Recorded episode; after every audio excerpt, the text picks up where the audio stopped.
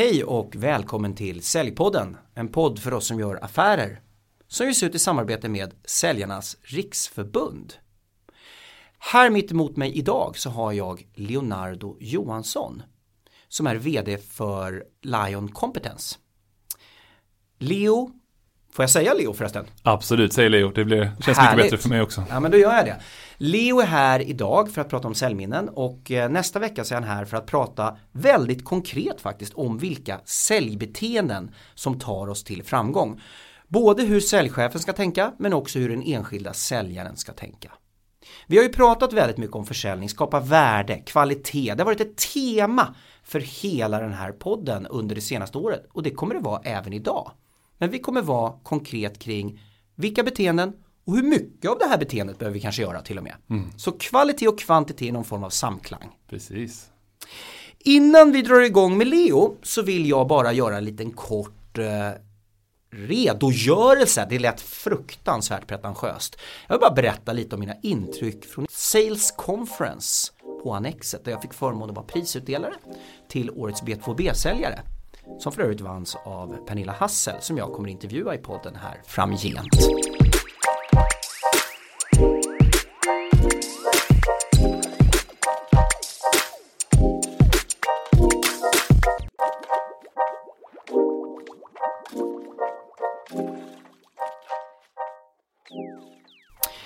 Fantastiskt, det här ordet ställ inte in, ställ om är intressant.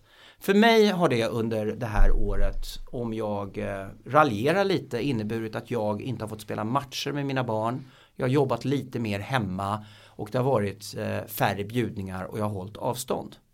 Men igår såg jag vad ställ inte in, ställ om innebär i den stora skalan. Ett event som normalt sett har över tusen deltagare på plats.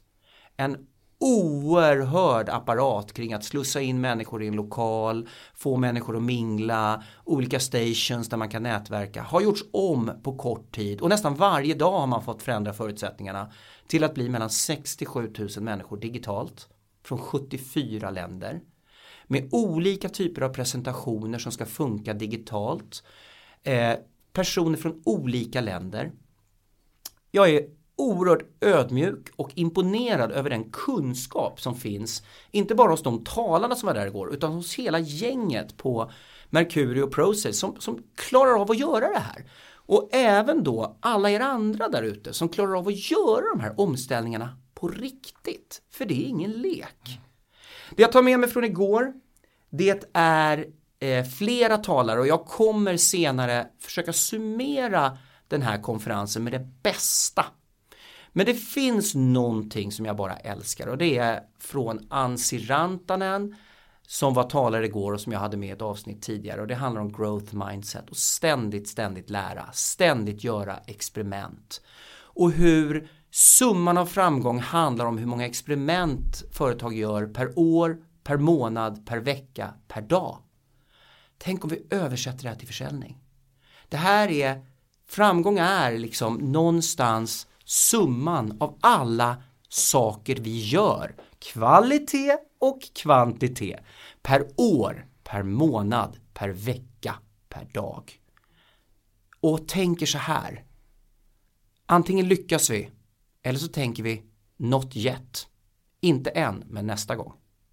Det var en lång ingress, men jag tyckte den var viktig. Ty, det handlar så mycket om just de här begreppen och jag tror att vi kommer få höra mycket om det nu när vi faktiskt går över till stjärnan i detta avsnitt. Leonardo Johansson som ska få berätta säljminnen.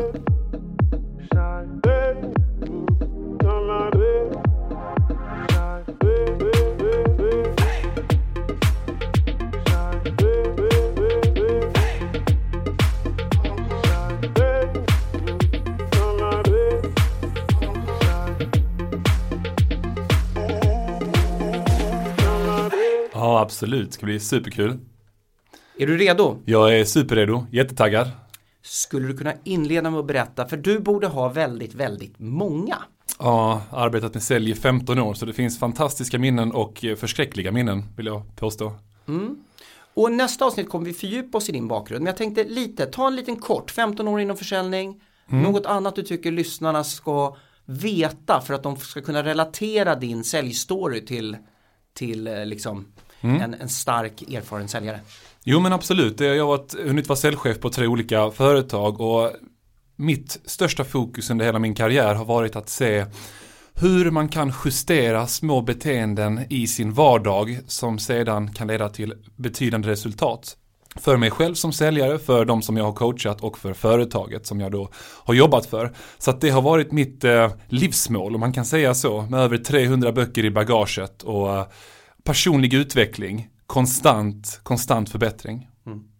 Bra. Läsande och utförande i en mix. Berätta. Eh, bästa säljminne? Mitt bästa säljminne det var ett företag som jag bearbetade i Göteborg som hann byta fyra olika vdar under ett och samma års tid. Och ni kan tänka er, ni som är säljare där ute, vilken utmaning det här ställer på dig. Eller vilka krav det här ställer på dig som säljare. Att vara en expert på att ta dig in och kunna bearbeta olika personlighetstyper. Och kunna bygga nya relationer på kort tid för att kunna sälja till den här drömkunden. Och till slut, den fjärde och sista beslutsfattaren, där fick jag till den här affären. Och jag minns när jag sprang hem till kontoret för att eh, det låg ganska nära kontoret jag jobbade från i Göteborg och så grät jag i min saccosäck som jag hade på mitt kontor. Grät av lycka. Så att, eh, ja det var mitt bästa, bästa säljminne. Mm, härligt. Mm. Eh, hur länge sedan var det sa du? Ja men det här var 2012. 2012? Mm. Ja. ja. Det finns ju sådana här defining moments som man verkligen minns. Så, Mm. eh, på vilket sätt har just det här, har det påverkat dig, den här affären? Du drar upp den som första Mm. story, varför? Ja men just det här med att man ska ju våga kill your darlings som en säljare. Det innebär alltså att om du har affärsmöjligheter du verkligen vill ska gå i mål men inte riktigt lyckas med det och du inte får någon bekräftelse, commitments och annat vad vi kan prata om. Då måste du våga kill your darlings. Men det finns också vissa affärer som man behöver ha väldigt fint tålamod kring. Och just det här tålamodet var det som jag lärde mig under min tid på Lime då. Eh, Lime Technologies, det här CRM-företaget som eh, den här affärsmöjligheten handlar om. Så att tålamodet som business to business-säljare. Mm. Jättebra. Har du något värsta säljminne? Ja, det har jag verkligen. Det var en ledningsgrupp i Borås som jag hade kämpat i sex månader med att försöka träffa och få till ett möte kring. När jag väl kommer ut på mötet så har jag glömt min laddare, alltså min datorladdare och datorn var urladdad. Och då hade de förväntat sig att jag skulle presentera en helt anpassad demo för dem eh, om ett system. Så det slutade med att jag stod där i 45 minuter med en produktfolder i handen eh, och man kunde ju knappt se, de som satt längst bak i rummet, vad det var jag demonstrerade. Så att, eh, det var verkligen katastrofalt och som du kan förstå här Ken så fick jag inte affären heller.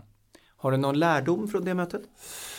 Eh, nej, alltså jag skulle snarare säga att, eh, eller jo, det är att eh, man, jag lyckades ändå övertyga ungefär halva rummet bara eh, genom att vara lite innovativ och att kunna demonstrera en lösning utan att demonstrera den. Men vissa av de viktigaste beslutsfattarna fick jag inte med mig. Så det jag tar med mig där, det är att jag började faktiskt i väldigt eh, mycket högre utsträckning demonstrera utan att demonstrera under kommande möten. Eh, och bli mycket bättre på kroppsspråk och de här bitarna också i samband med det.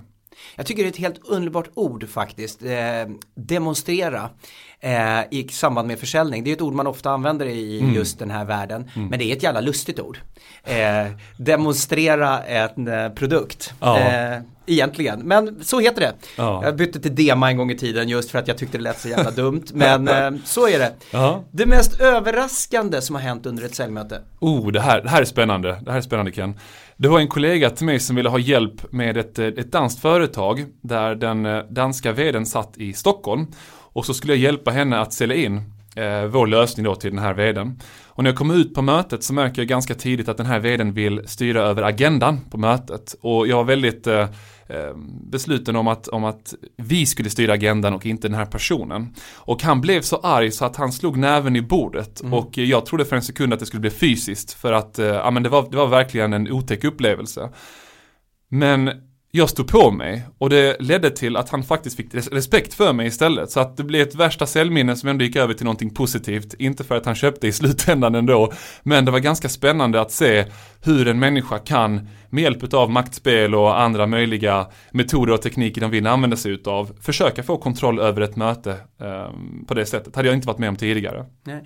Men det är ju lite intressant ändå på tal om det här med inifrån och ut, utifrån och in som jag pratar mycket om. Jag tror att det är viktigt att ha båda, som jag tycker ofta. Det är väldigt viktigt att veta varför gör jag det här och, och ha någon form av inifrån perspektiv. Men kunden är viktigast. Absolut. Varför var det så viktigt för dig att ha agendan? Då? Jo, det var för att min erfarenhet sa, jag är väldigt statistiskt lagd och hade tittat på de möten vi hade haft där vi demonstrerade vår lösning lite för tidigt. Och eh, där kunden fick styra över agendan och hitraten var betydligt sämre än de möten då vi kunde få kunden att köpa in på den agenda vi ville ha för mötet. För vi visste ju vad vår best practice var. Så att våga stå på sig som säljare, det är, det är inte alls många säljare som vågar det här utan många tänker bara på relationen först och, och jag måste vara tillmötesgående och det är kunden som får bestämma och kunden alltid har rätt. Ursäkta språket men det där är bullshit. Det är bra, det är många som säger som är här och jag håller med. För att utmana dig lite, nu har ju vi haft ett samtal innan som jag tyckte var otroligt spänstigt och bra och lärorikt för mig. Men är det där, när du har tittat på din statistik, vad det blir bäst effekt av mötet, att du leder mötet, är det ett inifrån och ut eller ett utifrån och in perspektiv? Utifrån och in. Ja, det kan det vara. Men det kan också vara ett inifrån och ut såklart. Men jag skulle säga mer utifrån och, och in eftersom eh, här är det att vi har samlat data baserat på vad som har hänt i kundmöten hos x antal olika säljare. Tittat på statistiken kring detta och sett hur ska vi agera utifrån den här datan. Men också då att någonstans tänker jag så här att det blir också ett bättre kundmöte för kunden. Absolut. Och det är ju What's in it for you? in-perspektiv. Ja. Det, och det är någonting som är intressant Ken, som du ofta pratar om, det vet jag. Det här med att få säljare att förstå att det du gör handlar inte om att kränga förhoppningsvis, utan det du gör och när du ska utmana en kund handlar snarare om att du går runt med en påse pengar, du vet hur du kan skapa ett värde för den här kunden och ibland krävs det en extra ansträngning för att lyckas övertyga dem om det. Oavsett om det handlar om en agenda, vad de ska och inte ska köpa eller andra delar av din säljprocess. Ja, jättebra, jättebra. Det, det där, vi ska ju vara ännu mer konkreta nästa vecka i beteenden eh, som är framgångsrika och vad både säljare och säljchefer ska tänka på. Jag tar en sista fråga Yes. eh, och det handlar om Har du någon ritual du gör innan du kliver in i ett viktigt kundmöte? Ken, nu sitter jag här och får gåshud när jag tänker på den här ritualen jag har och eh, för att inte dra en alldeles för lång story så har jag varit en person som har jobbat lite, lite för hårt skulle jag säga. Så pass hårt att jag bortprioriterade min hälsa framför eh, min prestation eh, fram till 2014 ungefär. Och det här ledde mig in på forskning kring meditation för att jag är en person som måste bli övertygad genom forskning. Jag kan inte, jag, annars tyckte jag att meditation var lite flummigt tidigare. Och där och då bestämde jag mig för att göra en stor livsförändring som innebar att jag bestämde mig för att aldrig, aldrig, aldrig någonsin gå till jobbet utan att känna mig minst 90-procentig. Och då kan man säga, oj, vadå 90-procentig? Jo, det innebär att jag lärt känna min kropp så pass väl, min mentalitet, mitt sinne, att när jag ställer mig frågan på morgonen, hur känner jag mig idag? Och det är då liksom 89% eller lägre, då mediterar jag i 10 minuter via en app som heter Headspace. Det finns en bra kostnadsfri version där också. Och vad jag märker av i 95% av gångerna när jag har mediterat i 10 minuter, det är att jag mår så pass bra att jag har kommit över den här 90% gränsen. Och varför gör jag det här? Jo, för att jag vet, jag som säljare, som anstränger mig och kämpar varje dag, hur mycket det här påverkar min prestation av att mentalt ligga på topp. Så jag tillåter inte mig att ta genvägen bara för att jag är lite stressad till jobbet. Det är inte en chans i världen. Ja, jättebra, det där är viktigt att man lär känna sin kropp och eh, eh, hur man själv fungerar. Eh, och skulle jag då skoja till lite så här så handlar det om att faktiskt ha ett inifrån och ut perspektiv just att jag själv i en i ett säljmöte är ju jätteviktigt att jag är på topp. Ja, Så det absolut. är bra självinsikt där. Ja.